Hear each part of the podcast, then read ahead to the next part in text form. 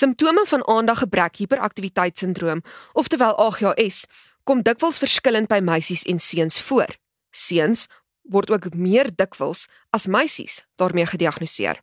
In die 8ste episode van Marula Media se potsending reeks oor AGHS, gesels ons met Dr Jerry Besaidnout, psigiater en direkteur van mediese dienste by Vista Kliniek, oor hoe die simptome van AGHS by seuns en meisies verskil.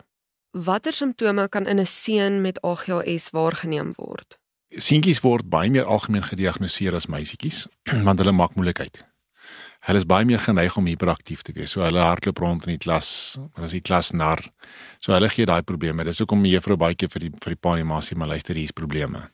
Die dogtertjies lyk heeltemal anderste. Die klassieke prentjie van van die meisietjie wat wat aandag afleibaarheid of is sy's oorgewig, sy lê voor die TV met 'n pakkie chips in haar hand.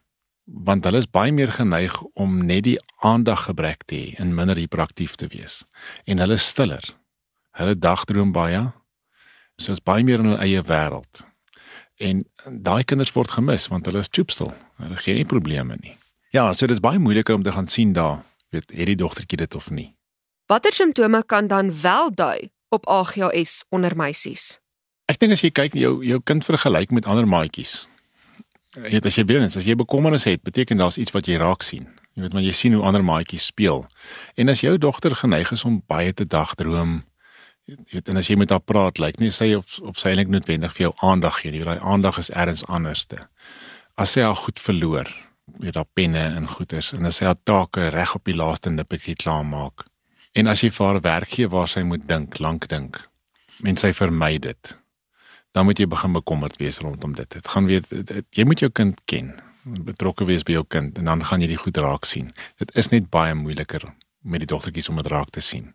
Ek het 'n voorbeeld 'n meisietjie gehad wat sy 1785 gemiddeld wat met angs en depressie na my toe gekom het, maar die dominante klagte van die ouers was is dat sy verloor al haar goeders.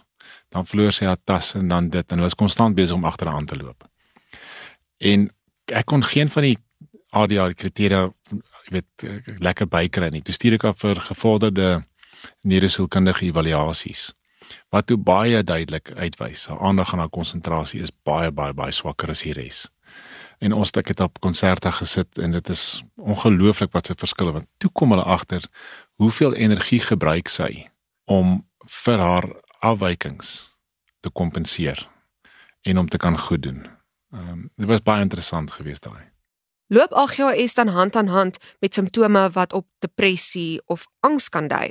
Ja, en ek het so 'n geval, ek dink maar die druk en die spanning wat met so hoog gewees vir so lank en sy ja interne dryf, die persoon wie sy is, wil so goed doen. En so sy het goed gedoen ten spyte van 'n gebrek. So daar's nie 'n definitiewe assosiasie nie.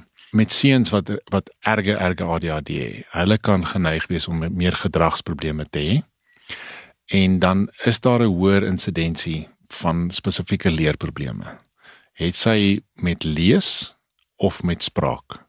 So daar is omdat die brein se ontwikkeling is vertraag. So dat dis hoekom dan daar ander probleme kan rondom dit wees. Ja.